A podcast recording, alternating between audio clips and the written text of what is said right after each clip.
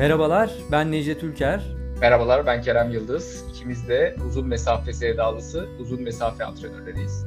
Bundan böyle arkadaşlar sizler için haftalık ya da 15 günlük periyotlar halinde Koşu Panorama programı sunmaya çalışacağız.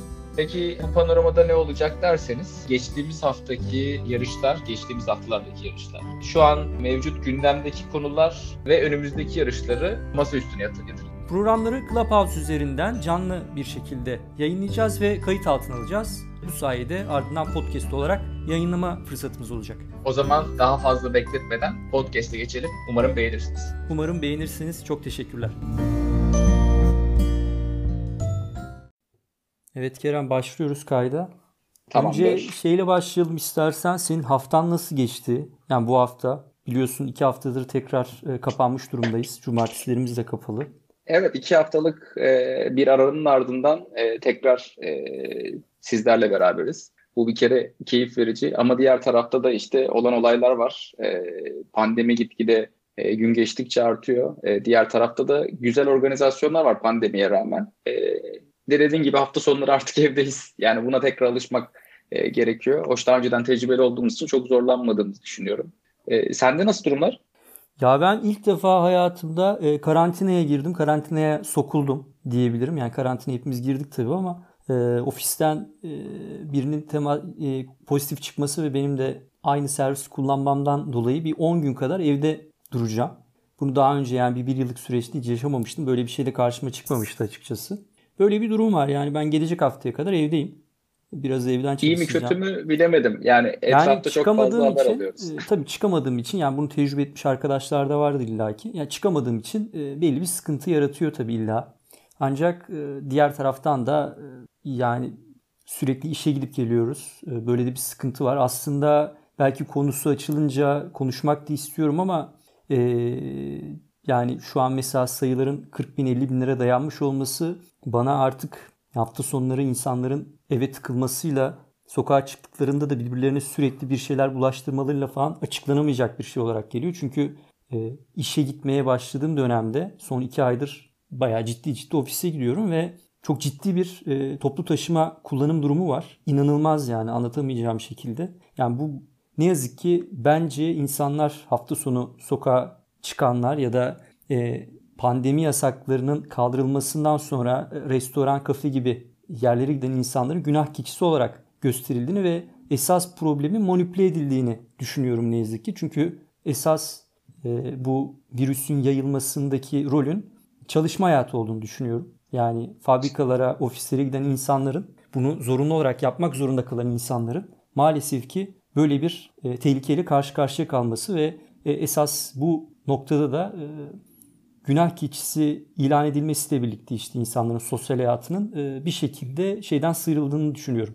Çözümü üretme noktasına sıyrıldığını düşünüyorum yani. Kesinlikle öyle yani bence de hafta sonuyla e, çok açıklanabilecek bir durum yok. Çünkü benim de etrafımda 10 bin vakalar varken evden çalışan kişiler 40-50 bin vakalarda şu an ofiste çalışıyorlar dediğin gibi. Bir de diğer tarafta e, duyduğumuz, gördüğümüz toplu organizasyonlar ne kadar yapılmaması da istense ve e, devlet buna da karşı çıksa bir yandan yapılan organizasyonların hepsi e, aslında negatif olarak çünkü e, negatif olarak bize geri dönüyor. E, bunu görüyoruz çünkü e, Türkiye'den dört bir yanından gelen toplu organizasyonlar yapılıyor ve maalesef daha sonrasında sayılar artıyor dediğin gibi. İşte dediğim gibi yani bu toplu organizasyonlar tabii ki ciddi problem yaratıyor ki zaten ikinci oturumda da İstanbul Yarım Maratonu'nda konuşuruz bunun üzerine. E, ancak e, buzdağının görünen yüzü olduğunu düşünüyorum bunun. Görünmeyen yüzü e, çalışma hayatı ve bu çalışma hayatının getirmiş olduğu zorunluluklar gibi geliyor bana diyeyim ve istersen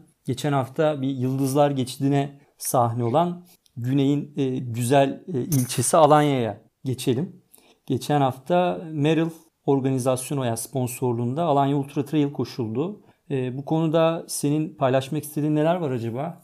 Ya Ar Argeos yine yaptı yaptı diyebilir miyiz? Yani ya, çünkü Alanya, Alanya çok kalabalık bir yarış değil ama yani gerçekten e, çok güzel isimler katıldı. Ya inanılmaz. Ben e, açıkçası Kapadokya'dan sonra tabii yani pek çok değerli ultra maraton koşulan yer var. Yani işte İDA var, İznik var. E, sayacağımız yığınla yer var. Mesela işte Osman'ın organize ettiği Dağ Yenice Ultra var. Ancak Yani uluslararası düzeyde standartlarda anlatılanlara göre Kapadokya'dan sonra bir de güneyde biraz da işte Akdeniz'le bağlantılı olacak şekilde yeni bir e, sanki yarış kazanmış gibiyiz. Çünkü Avrupa alışık yani Avrupa'daki yarışları az çok bilenlerin e, tahmin edeceği üzere çok teknik ve zor da koşullarda e, bir e, parkura sahip Alanya Ultra. Böyle bir yarışa Ahmet Aslan sahip yapmış yap, yapmış yapacağını diyorlardı valla koşanlar. Evet evet yani hem e, işaretlemesi muazzammış hem organizasyon çok iyiymiş. E, kaldı ki dediğim gibi çok da zor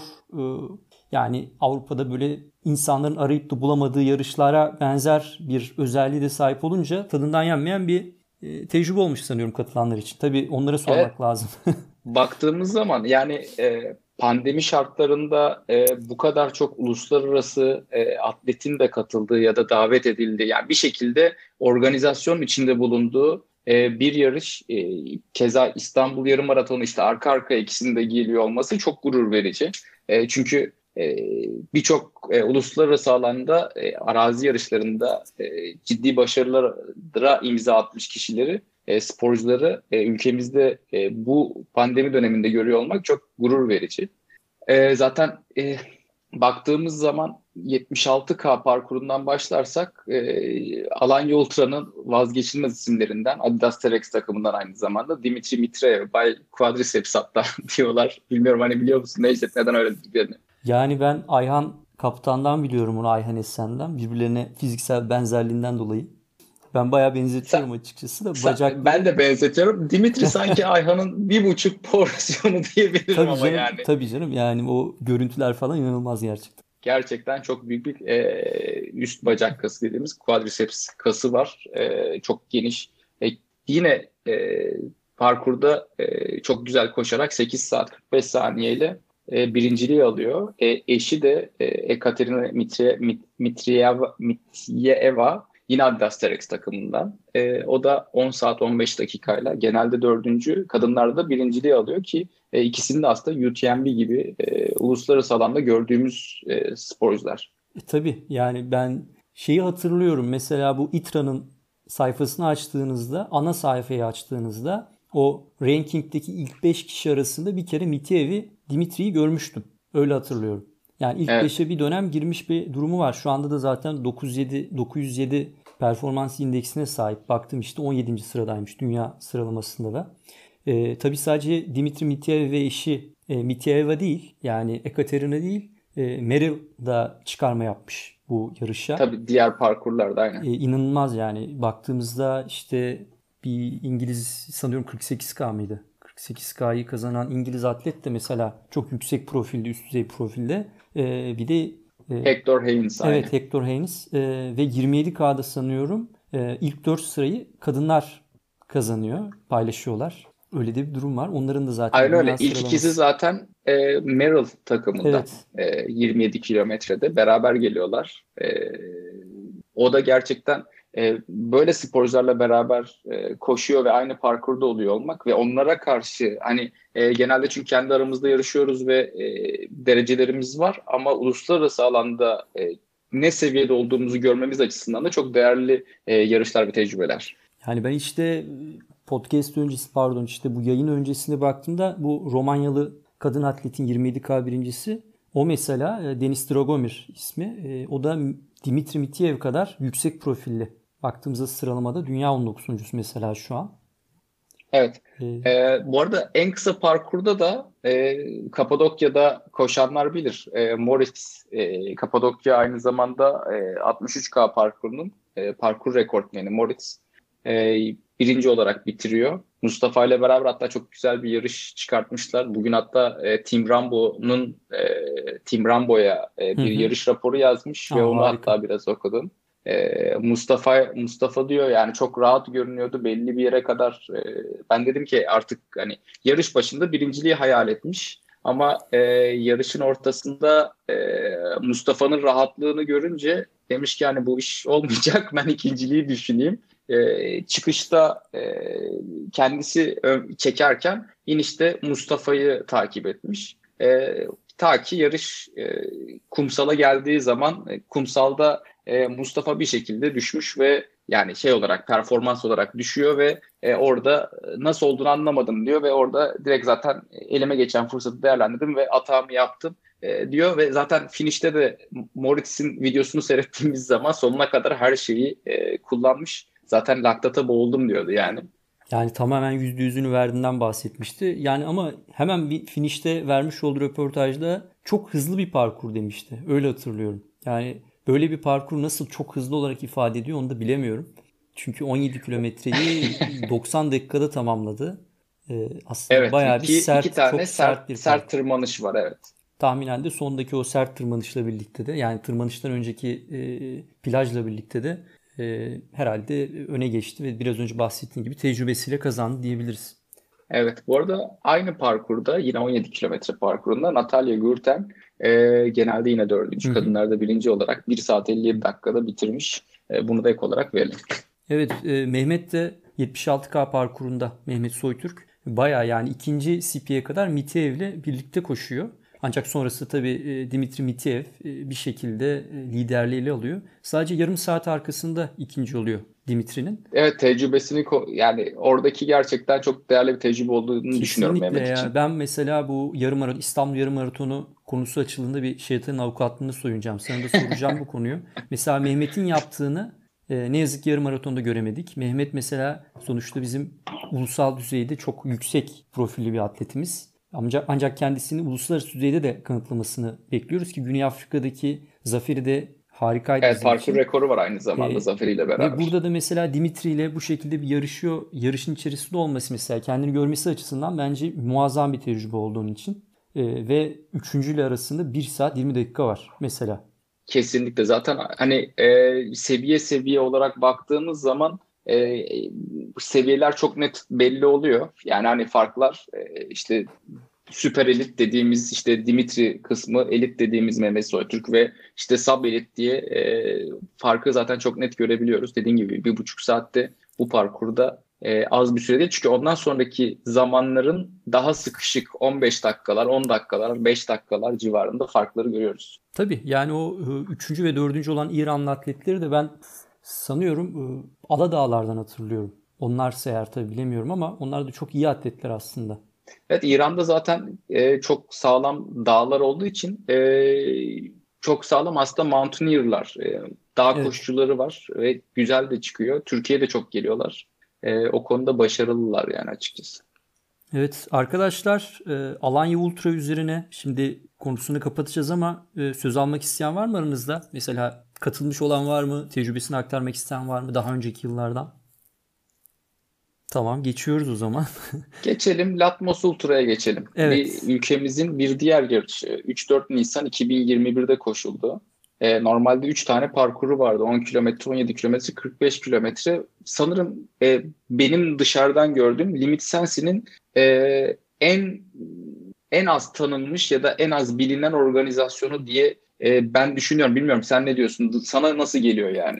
Bana da öyle geliyor çünkü daha ikinci e, defa yapılıyor. Geçen yıl ne yazık ki pandemiden dolayı iptal edildi. E, ve 2019'daki ilk edisyon da bildiğim kadarıyla yine aynı dönemlerde miydi? Yani Nisan'daydı sanıyorum İznik Ultra'ya yakın bir tarihte olduğu için o kadar biraz gölgede kalmıştı. Evet. E, bu yılda tabii büyük bir tarihsizlik. Aynı gün hem zaten yüksek düzey bir e, ultra var hem de bir yarım maraton var İstanbul'da. Türkiye'nin en kalabalık yarım maratondan bahsediyoruz. E tabi böyle olunca e, katılım hem profil düzeyinde hem de sayı düzeyinde oldukça düşük gerçekleşmiş. Ancak Bafa Gölü gibi e, yani bir doğa harikası bir yerde yapılıyor olması, e, ulaşım açısından büyük bir sıkıntı olmaması yani İzmir Havalimanı'na yakın olması falan gibi etkenlerle aslında tercih edilebilecek de bir organizasyon bu. Ee, evet yani doğası gereği e, çok bilinmeyen, e, değeri bilinmeyen bir yer. Daha doğrusu hani çok zaten orada da çok koşulmayan bir yer. E, genelde parkurda bu arada yaklaşık 3 e, parkurda yaklaşık 250 sporcu civarında katılmış. Hatta 200-250, 200 civarında diyebiliriz e, sporcu. E, parkur sürelerine bakmak gerekirse e, 47K'da Seda Nur Çelik birinci olmuş. E, onun dışında erkeklerde Cevdet Al, Yılmaz, Ay, Al Yılmaz e, birinci oluyor. E, diğer parkurlarda da Ayşe Ertürer kadınlarda birinci oluyor. E, erkeklerde de Ozan Hoş Yılmaz evet, birinci Ozan olmuş. Birinci oluyor. En kısa parkurda da Nebahat Ardahan birinci oluyor. Erkeklerde de Ali Tatlı. Evet Latmos Ultra'yı da kapatabiliriz sanıyorum. Çünkü e, dediğim gibi yani yarışa dönük e, çok büyük, yüksekli bir katılım olmadığı için e, çok da bir yani verebileceğimiz bir hikayesi var mı? Burada katılan arkadaşlar var mı onu da bilemiyorum.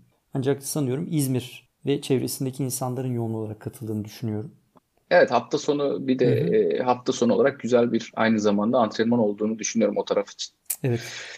Okey o zaman e, şimdi yine geçen haftalarda da konuştuğumuz aslında hani UTVT ve Golden Series diye e, UTV'den sonra da çıkan bir trail ayağı vardı. UTVT'nin açılımı Ultra Trail World Tour. Belli bir yarış serisinden oluşan bir takvim. Keza yine Salomon'un alternatif olarak çıkarttığı Golden Series düzenleniyor. Bu sene e, maalesef yine Zegema Izkori e, 2020'den sonra 2020'de de iptal edildi. E, o coşkulu dik çıkışları göremeyeceğiz. Sanırım buradaki iptalindeki sebebi e, pandemi şartlarına düzenlenebilir artık. Yarışlar buna göre e, kontroller yapılıyor ama e, Zegema'nın asıl e, şeyi ruhu o dik çıkışlardaki aslında coşku ve taraftar diye düşünüyorum. O yüzden bence ben iptal ettiklerini düşünüyorum. Büyük olasılıkla o e, ve sonuçta pandemi koşullarında e, belli yani şekilde sonuçta düzenlenmesi gerekiyor ve e, katılımcıların yani pardon destekleyicilerin e, izleyicilerin olmaması da büyük etkendir. Sonuçta Avrupa'da aslında şu an baktığımızda ya tabii Fransa Fransa'ya da çok yakın aslında sınırında diyebiliriz. Bas bölgesinde, Bask ülkesinde düzenleniyor Zegema. Tabii Fransa'da da yeni bir kapanmaya gidilmesinden dolayı sınırların kapalı olması da etkili olmuştur diye düşünüyorum. Yani sonuçta belki İspanya Fransa'ya göre çok daha iyi bir durumda olabilir ama e, böyle de bir durum var. Zegema e, senin de bahsettiğin gibi e, oldukça dik tırmanışları var yani aslında 42 kilometre tam bir maraton mesafesinde ama 5000 metre mi? Yani 5000 metre civarında bir tırmanış var. E, 4000 küsur 4200 civarında küsur, diye evet. hatırlıyorum ben de aynen. Yani çok çok Hı. dik zaten e, süren süreler de e, yani e, yarış süreleri de buna göre 42 kilometreye göre uzun. Ya baktım da ben rekor 3 saat 45 dakika. Yani 5 Evet 5 şeyde. Stian Angermund. 5000 metrenin üzerinde kazanım elde ettiğim bir maratonda 3 saat 45 dakikada yarış tamamlıyor olmak inanılmaz bir şey. E bu arada da tabii dik bir tırmanış olunca akla gelen ilk isimlerden e, Kilian Jornet de burayı 7 defa kazanmış sanıyorum. 2002, 2020, 20 yılda 7 defa kazanmış. Hatta 20 değil 19 defa. Geçen ay 18 defa düzenlenen yarışı 7 defa kazanmış. evet inanılmaz bir şey. Bu arada tam 5472 metre o, inanılmaz e, gibi bir şey var. Dediğim gibi yani Norveçli Stian Angermund 3.45.08'de parkur rekorunun sahibi. Talihsiz Gerçekten... tabii şey açısından e, bu yeni e, yıldızlaşan Magnini miydi? İ- İtalyan. Evet Davide Magnini evet. ile Fra- Franci Puppi'nin e, kapışmasını merak ediyorum. Evet açıkçası. ben de merak sene, ediyordum. E, cross'ta yani şey kayakta şey yaptılar. E, yarıştılar ve e, karşı karşılıklı geldiler. Keza Remy Bonnet de e, orada Remy çok Bonnet. iddialı. Remy Bonnet'in zaten 2018 edisyonu kazanmış Remy Bonnet bu Zegeman. Aynen. Yani aslında pandemi döneminin en büyük talihsizlikleri bu olimpiyatta da eğer düzenlenemezse olacak. Yani bazı e, özel yeteneklerin o en böyle özel dönemlerini kaçırma durumumuz olabiliyor. Bu sadece tabii koşu açısından değil. Pek çok spor branşında da böyle. Ve e, bu yani kaçırılan zaman belki de telafisi olmayan bir zaman olacak o tip özel yetenekler Ki büyük ihtimal ki büyük ihtimal bu sene şeyi düşünüyorduk. Yani hani e, canlı yayın verilebilir diye düşünüyordum açıkçası. E, mevcut çünkü sistemler Hı-hı. gitgide gelişiyor e, ve artık birçok yarışta canlı yayın işte helikopter çekimleri vesaire görmeye başlıyoruz. Güzel olabilirdi. Evet. Ne yazık. Biz bir yine iptal daha doğrusu ertelenme haberi de 2019'da e, Azor Adaları'nda bir yarış vardı. Bilmiyorum hatırlıyor musun? Azor Ultra Trail diye geçiyordu ve yarış yarışın ortasında fırtınadan dolayı e, bitirilmek zorunda kalmıştı. Fırtınanın çok ciddi bir miktarda artmasından dolayı. Şimdi bu sene isim değiştirmiş UTVT'de. E, Waders Great Ultra Trail, Route Ultra Trail e, olmuş. 7 Mayıs'tan 30 Temmuz 1 Ağustos'a ertelenmiş. Bakalım o tarihlerde yapılıp, yapılabilecek mi gerçekten merak ediyorum. Yani ben internet sitesine baktım. Hala 7, 8, 9 Mayıs olarak göz, gözüküyor. Yani onu güncellememişler. Bir evet UTV'de de güncellemişler bu arada ama e, Instagram üzerinden duyurdular. Ya bu arada e, Azor Adaları e, tam Atla Atlantik'in ortasında sanıyorum Atlas Okyanusu'nun ortasında hatta şeyin de batısında olması lazım. Sizin gitmiş olduğunuz Kanarya Adaları'nın batısında olması lazım. Daha da içeride. Ee, tabii. Yani. Kuzey batısında. Yani tam Portekiz'le Amerika arasında Hı-hı. diyebiliriz. Evet, tam orta evet. noktasında yani. O, yani. o bölgede e, okyanus akıntılarının çok ciddi olduğu yer olması lazım. Yani bu fırtınanın falan e, olması normal. Hava sağlam dönüyormuş. Zaten parkura baktım ben 118, 118 kilometrelik bir ultra parkur var. Parkurda böyle e, her yeri kullanmışlar ya. Yani gir çık gir çık yani böyle bazı sokaklara girip çıkma durumları var yani. Bütün ada demek ki çok büyük bir ada değil. Bu Azor adalarından birinde yapılıyor. E, ya 118 kilometrede adanın her yerini kullanma gibi bir duruma girmişler. Bir de volkanik adalardan korkacaksın. Yani hani dışarıdan adalar tatlı duruyor ama volkanik ada gerçekten hem zemini hem de e, yani irtifa kazancı yüzünden çok keyifli olmayabiliyor. Göründüğü kadar tatlı olmuyor biliyor daha doğrusu. Peki şeyle alakası var mıdır mesela? Şimdi bu UTVT takviminde olan bir yarış. Ee, yeni de bir yarış sanıyorum. E, Azor Adaları'nda 2019'da Discovery serisinde diye hatırlıyorum. Geçen sene e, eklendi ama koşulmadı yanlış hatırlamıyorsam. Şimdi sonuçta şey e, takvimden çıktı ya. Spartan Race'e girdi. Kanarya Adaları. Sanıyorum evet. onun muadili olarak girmiş gibi gözüküyor bana. Ee, olabilir Öyle zaten. Çünkü bu... aynı bölgede e, benzer volkanik bir ada. Sadece İspanya'ya değil Portekiz'e bağlı yani. Öyle bir durum var. Olabilir ama diğer tarafta şeyi karşılaştırırsak organizasyon olarak e, yani bu üç seri arasında Spartan işte seri Ultra Trail serisinde, hı hı. Ultra Trail World Tour'da ve e, Salomon Golden Series'de çok ciddi aslında bir yarış da var. E, hem yarışları birbirinden kapmaya çalışıyorlar hem organizasyonların aslında prestijini. O konuda e, Ultra Tour e, bence Transgaran Kanarya kaybederek Spartan'a ciddi kan kaybı e, yarattı. Çünkü e, yanlış hatırlamıyorsam UTMB'den sonra en büyük ikinci yarışıydı katılımın. 7000 kişi yaklaşık 7000 kişi yani pandemiden önce 7000 kişilik katılımı vardı. Tüm parkurları toplamda. Bir başka e, ertelenme haberi de Avusturya'dan. Daha önceden benim de koştuğum. Türkiye'den de katılımın birçok e, oldu. Hatta e, 2018'de biz gitmiştik. 2019'da da yine bizden bir grup, e, Türkiye'den bir grup, büyük bir grup e, Mozart Yüz'de yarıştı. Mozart Yüz'de 4 Eylül tarihine ertelendi. Normalde Temmuz'da mıydı? Haziranda mıydı? Ne zamandı tarihi Mozart Normalde Yüz'de? Hazirandaydı aynen. Tabii yani Mozart yüzün de avantajı şey yani çok fark fazla sayıda alternatifin olması. Yani 108 Hem... kilometrelik ultra 78 kilometrelik ultra yani böyle saydığında yani kalabalık bir grup olarak mesela katılımın durumunda alternatif de çok olduğu için rahatlıkla ya yarış seçip e, gidip güzel de bir tatil yapabileceğim bir şey sahip. Kesinlikle bir de irtifa Tatlı problemi sahip. olmadığı için birçok yarışlar e, yüksek irtifada geçen yarışlar hani İstanbul gibi bir yerde yaşıyorsanız hani çok uygun olmuyor bizim için. Çünkü irtifadan çok ciddi etkileniyoruz. Ya da işte 3 hafta 2 haftalık bir e, alışma sürecimiz de olmayınca. E, o konuda e, güzel irtifa konusu çok fazla çıkmayan bir yarış. Ama tabii e, diğer tarafta da çok fazla teknik geçişin olduğu bir yarış. Yani irtifa çok çıkmıyor diye de e, parkuru çok küçümsememek gerekiyor. Mozart yüzeye ilişkin mesela e, bir merdivenli bölümden bahsediliyordu yarışın sonunda. Çok duymuştum. Evet. Hatta e, belki Gökhan anlatmak ister. Orayı çok sağlam çıkan kişilerden birisidir. E, yarışın aslında bir göstergesi bana bana göre. Yani orada e, güçlü ve iyi çıkabiliyorsanız e, yarışı aslında iyi bitiriyorsunuz demektir. Yaklaşık 500 küsur merdiven var. Tam ben de saymadım çıkarken ama. Göker ee... saymıştır ya. Göker burada mısın? Selam. Merhabalar. Selam Göker. Selamlar. Ne güzel bir program yapıyorsunuz yine. Teşekkürler. Çok, çok teşekkürler Göker. Ee, kaç merdiven vardı Göker hatırlıyor musun? Abi 623. 623.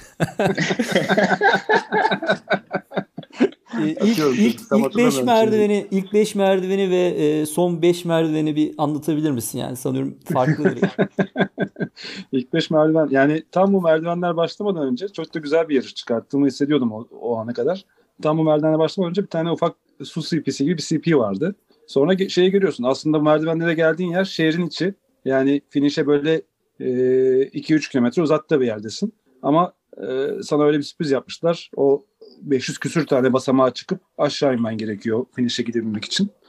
O, o şeyden CP'den çıktıktan sonra işte ilk merdivenler böyle güzel geniş geniş beton merdivenler olarak başlıyor. O dedim tamam işte bitiyor işte yarış zaten.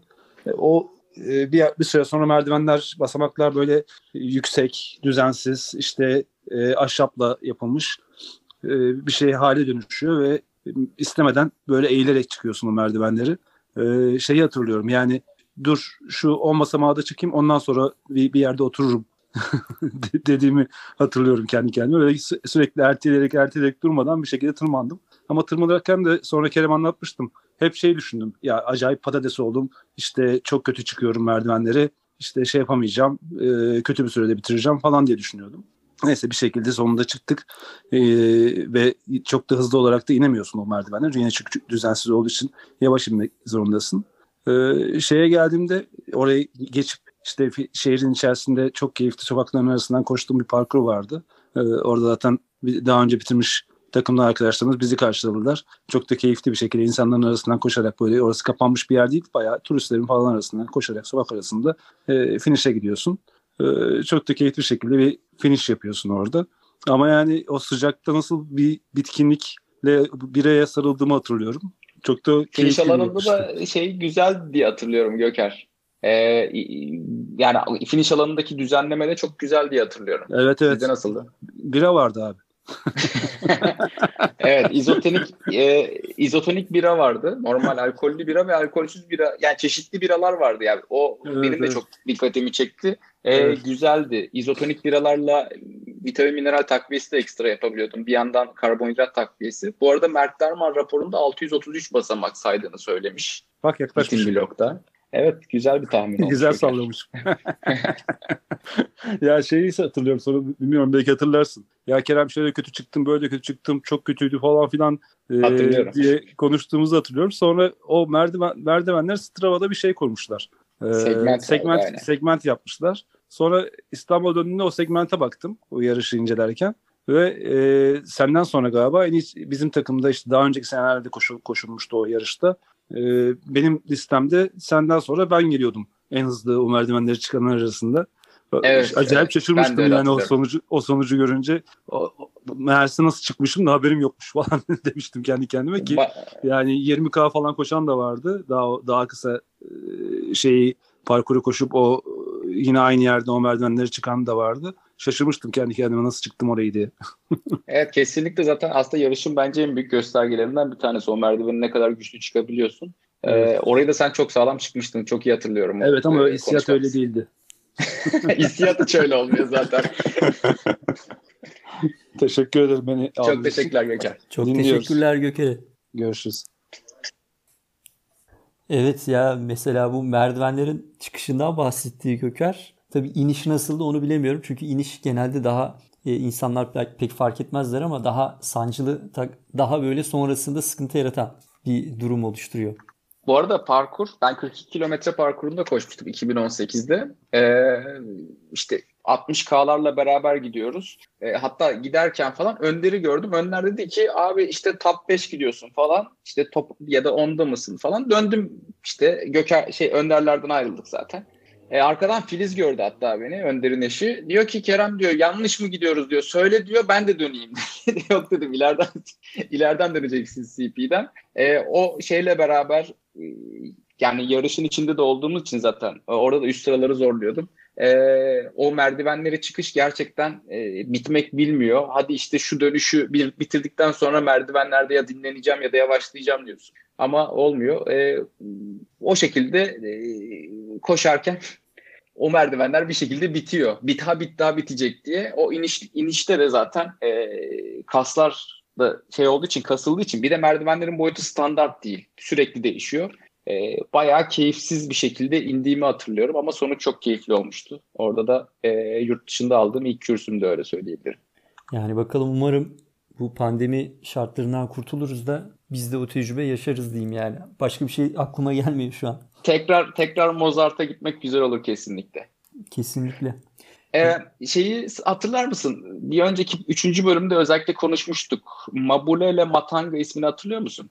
Yani hatırlıyorum bu şey çıplak ayaklı koşan atlet miydi? Evet. Güney Afrika'daki. Evet, evet. Onu biraz daha takip aldım. Hatta üçüncü bölümde şeyi söylemiştik. Yani 15 Mart'ta tekrar ayakkabılı mı ayakkabısız mı bir koşu yapacak diye biraz Güney Afrika atletizmine biraz baktım.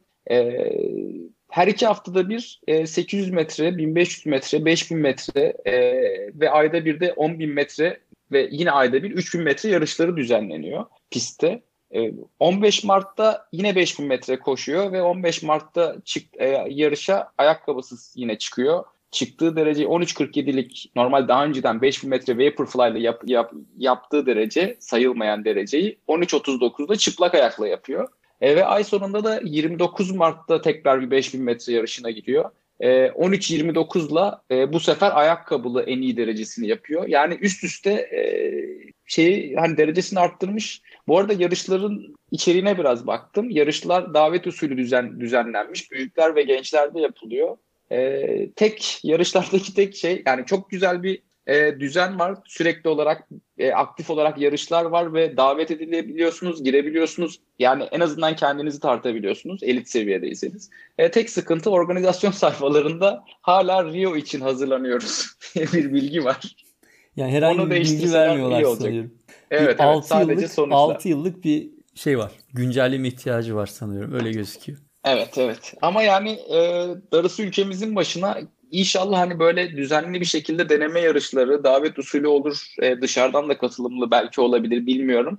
E, ama oluyor olması e, çok değerli ve güzel. En azından insanlar hem gelişimlerini bir görmeleri açısından e, ya da işte e, yarışın olmadığı yerde test açısından çok e, güzel şeyler bunlar. Ya şimdi merak ettiğim şey şu sen başta her ay düzenli olarak e, belli mesafelerin koşulduğunu söyledin. Aynı şeyde pistte değil mi? Yani öyle evet, bir doğrudur. gelenek var doğrudur. yani işte 10 bin metre, 3 bin metre, 5 bin metre şeklinde. Ya bu çok güzel aslında çünkü her ay bir şekilde insanlar oraya gelip bu e, bir ara seninle de konuşmuştuk ya bu İngiltere'deki e, park koşuları mıydı? Evet Parkrun İngiltere'de Parkrun, başlayıp evet. bu birçok dünyanın birçok yerinde e, uygulanan hatta ülkemizde de bildiğim kadarıyla adım adımın e, yapmaya çalıştığı aylık yarışlar aslında bir Parkrun e, vesilesiyle Neşet, aslında başlıyor. Neşet suyundakiler değil mi? 6 kilometrelik aynen öyle. Yani e, tabii bu standart bir şey olmadığı için maalesef karşılaştırılabilir ve abi hadi girelim e, koşabilelim dediğimiz yarışlar değil ama o park run kültürü gerçekten Avustralya'da çok görüyoruz. İngiltere'de keza aynı şekilde. Çeşitli dünyanın çeşitli yerlerinde yapılıyor. E, ülkemizde de en azından olması çok keyifli olur diye düşünüyorum. Ya evet yani sonuçta bir tane atletik pistine gideceksiniz. Bir organizasyon yapacaksınız. Bu tabii yani şu an ne, ne derece becerilebilir pandemi koşullarında bilemiyorum ama e, organizasyonun lojistik kısmı çok rahat olacağı için sonuçta tek bir atletin atletin pistinden bahsediyoruz en azından. Bu Güney Afrika'dakinden bahsediyorum. Ona benzer şekilde. Ee, çok rahatlıkla üstünden kalkılabilir gibi geliyor. Bu arada sanıyorum bu rekorların rekorlara vesile olan şey de biraz e, bizim gibi özellikle senin gibi e, atleti mercek altına alan insanlardan dolayı kendisi üzerinde bir şey yaratmış olabilir, motivasyon yaratmış olabilir. Çünkü rekorlar çok kısa bir sürede sürekli gelmeye başladı. Düzenli olarak ayda bir 10-15 saniye yeniliyor rekorlarını. Sanki ilgiyi üzerine çekince e, daha da böyle üzerine gitmeye çalışmış gibi geldi bana.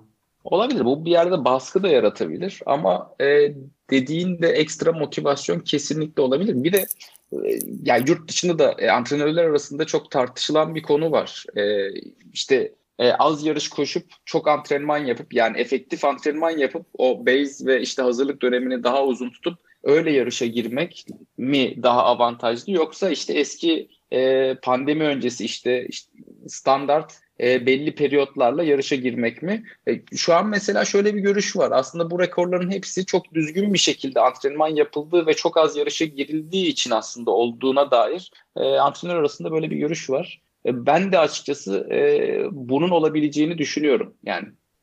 Yani çok daha rahat bir kafayla hazırlık yapılıp e, takvimde çok e, kalabalık olmadığı için e, yarışlarda en azından o antrenman dönemi stresini, başka yarışların stresini taşımıyorsun. Bunun bir etkisi vardır büyük olasılıkla. Ben de öyle düşünüyorum.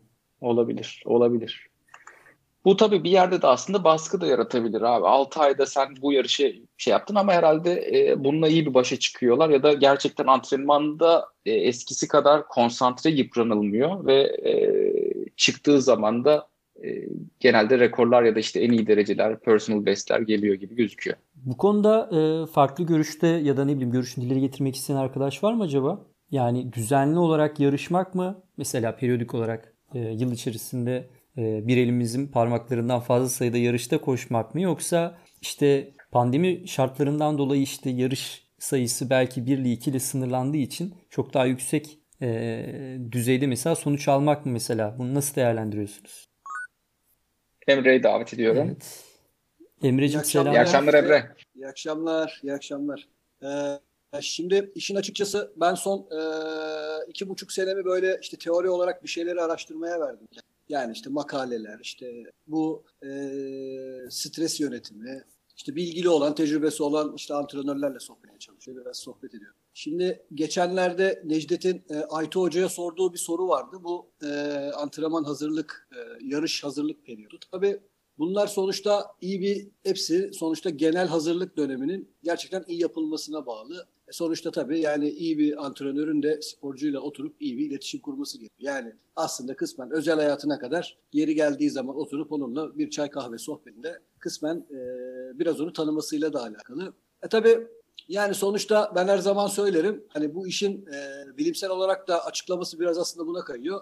Aslında her şey stres yönetimi ile başlıyor. Yani fiziksel uyum, işte biyolojik denge, işte bu uykuyla uyanıklık arasındaki biyoritim dedikleri dönem tamamen fiziksel olarak sizin kendinizi bir şeylere iyi vermenizi e, işte tek uçlu mu ya da çift uçlu mu periyotlama seçeceğinizle alakalı. E tabi optimal e, antrenman e, uygulamalarıyla yani işte kapsam ya da şiddetle e, başarıya ulaşıyorsunuz. Tabi yani ben mesela e, çünkü e, stresi yönetememek işin açıkçası biraz da fiziksel olarak yani bizim e, büyüme hormonumuzu baskılıyor işte insülin direncini alt üst ediyor. Ya bunların hepsi tabii bir uyum süreci ama e, sonuçta yarış sayısının azalması, e, işte e, antrenmanı düzgün yapmak, bunların hepsi tabii başarı için bir etken. Ama ben burada tabii yine de başarıyı hani yüzde yetmişini antrenöre bağlıyorum. Sonuçta iyi bir antrenör aynı zamanda iyi de bir mentördür yani. yani fiziksel uygunluğumu benim e, rakamlara döküp bunu yorumlaması. Bak burada yanlış yapıyorsun. İşte bu sabah e, çok erken kalkmışsın. İşte bu antrenman işte çıkmayabilir. E, çıkmazsa işte git eve dinlen. Yani gerek bunu yönlendirmesi lazım. Yani aslında söyleyeceklerim bunlar hepimizin aslında kısmen bildiği şeyler. E, bence de Emre bahsettiğin taraf e, genelde buzdağının görünmeyen tarafı. E, antrenörün bence de iyi bir mentor, e, iyi bir yönlendirici oluyor olması lazım. Kafa anlamında sadece fiziksel olarak değil, bayağı iyi yapılan e, programla değil, e, dediğin gibi kafa olarak da iyi yönlendiriyor olması lazım. Çok teşekkürler Emre değerli bilgiler için, görüşlerin için. Teşekkürler Emre. O zaman yarın bir koşulacak bir yarışımız var değil mi Necdet? Evet, e, yarın İzmir'de e, maraton ve e, 10 kilometre yarışları olacak. İzmir Maratonu. Geçen yıl düzenlenemedi ancak e, şeyde düzenlendi. Yani ertelendi 2020'nin Eylül'ünde düzenlendi diye hatırlıyorum. Yani İstanbul Maratonu'ndan yaklaşık bir ay kadar önce Eylül ya da Ekim'de düzenlenmişti. İzmir evet sonbaharda diye ben de hatırlıyorum.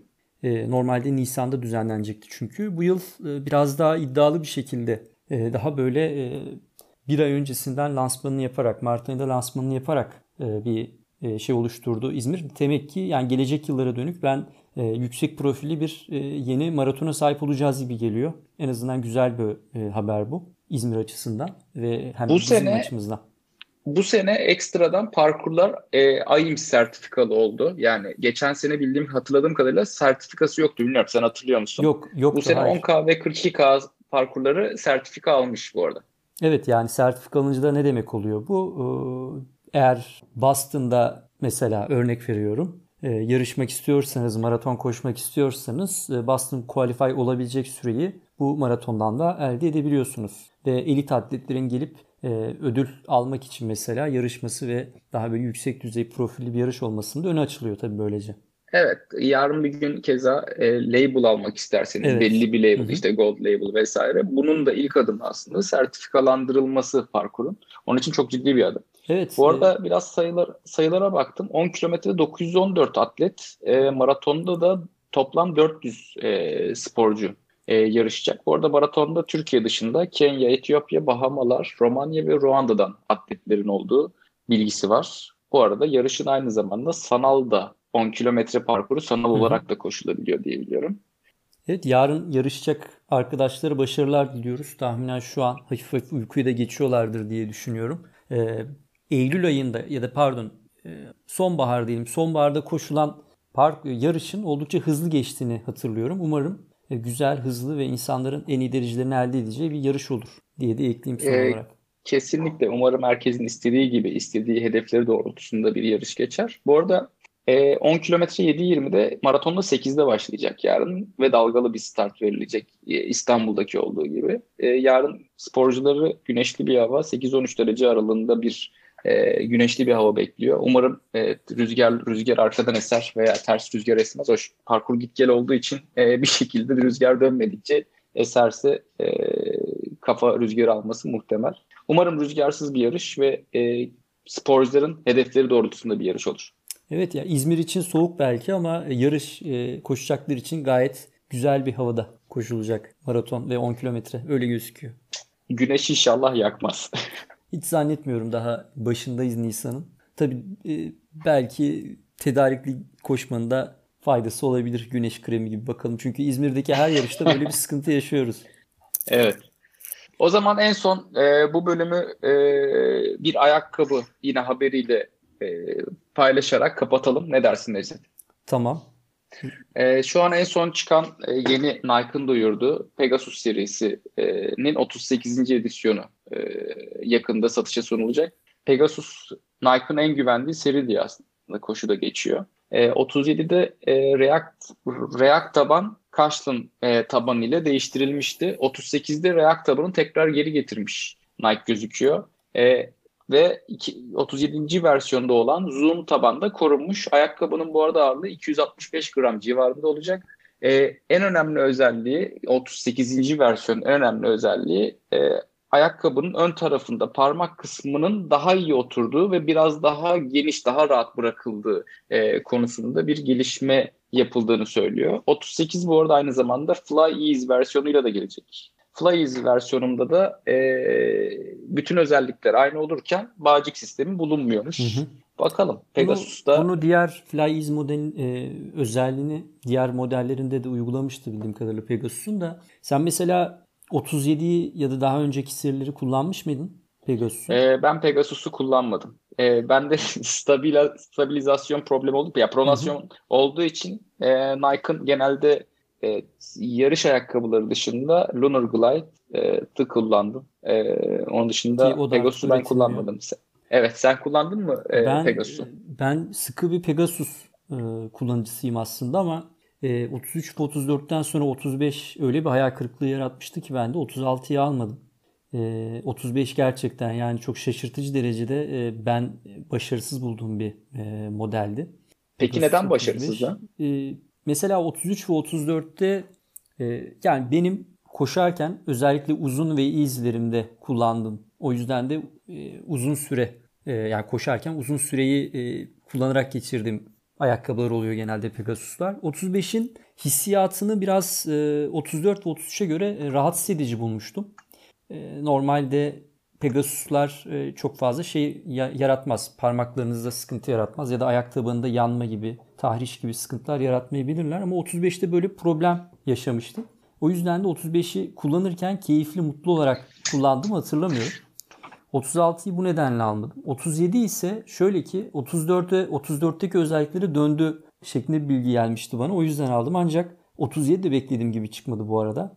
Nedense 37'de ya belki de son dönemde çok fazla da koşamadığımla alakalı olabilir bu ama yani 200 kilometrenin üzerinde mesafe tüketmeme rağmen sanki hala yeni almışım gibi ayağımla bir uyumsuzluğu var. Yani hala oturtamadım ve bundan dolayı da ayak tabanımda e, koşu esnasında yarım saati geçtikten sonra e, çeşitli sıkıntılar yaşıyorum. Ağrı gibi, uyuşma gibi. Bu tip problemler oldu 37'de. O yüzden 38'e de e, açıkçası ne yazık ki şüpheyle yaklaşıyorum diyebilirim.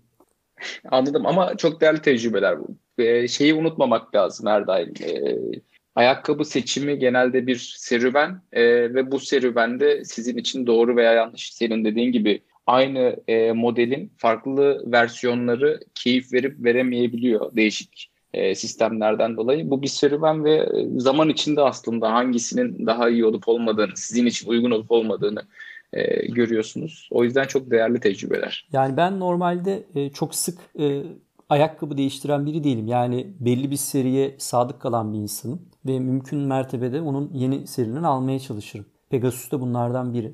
Ya buna benzer mesela Skechers'ın da bir modeli vardı. Onu sık kullanırdım. Ya da e, gerçi sonraki serileri berbat olsa da mesela Zoomfly'in ilk e, plastik tabanlı olanı bence yani giydiğim en gelmiş geçmiş en iyi ayakkabılardan fiyat performans açısından bir ayakkabı olabilir Zoom mesela. Zoomfly 1 mi? Bir evet.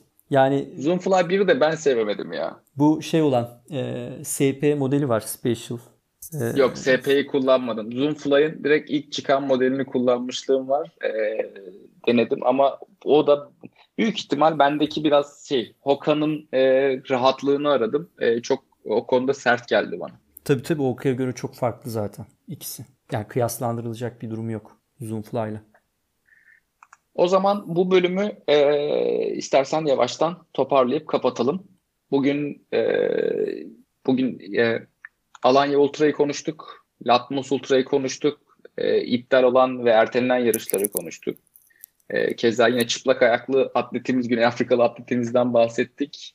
E, ve İzmir Maratonu ve Pegasus 38 ile bu oturumu e, tamamlandırıyoruz. Arkadaşlar dinlediğiniz için çok teşekkürler. Ben bir ee, e, şimdi sonradan katılan arkadaşlar da olabilir de belki duymamış olabilirler. Şimdi arkadaşlar biz 2-3 haftalık bir ara verdik çeşitli yoğunluklardan dolayı. O yüzden bugün iki oturum yapacağız. Yani bir 5 dakika sonra tekrar karşınızda olacağız diyebilirim. E, haliyle e, ikinci oturumda da e, bu sefer yol yarışlarını koşmuş olduğumuz yol yarışlarını geçmiş dönemde işte İstanbul Yarım Maratonu'ndan bahsediyorum. Bunları konuşacağız. E, bu oturumu kapatacağız bir 5 dakika sonra belki. Tekrar karşınızda olacağız. Evet dinlediğiniz için çok teşekkürler. Şimdi çok teşekkürler. E, bir ara verelim. Kahvemizi içelim ve tekrar buluşalım. Görüşmek üzere. Görüşmek üzere.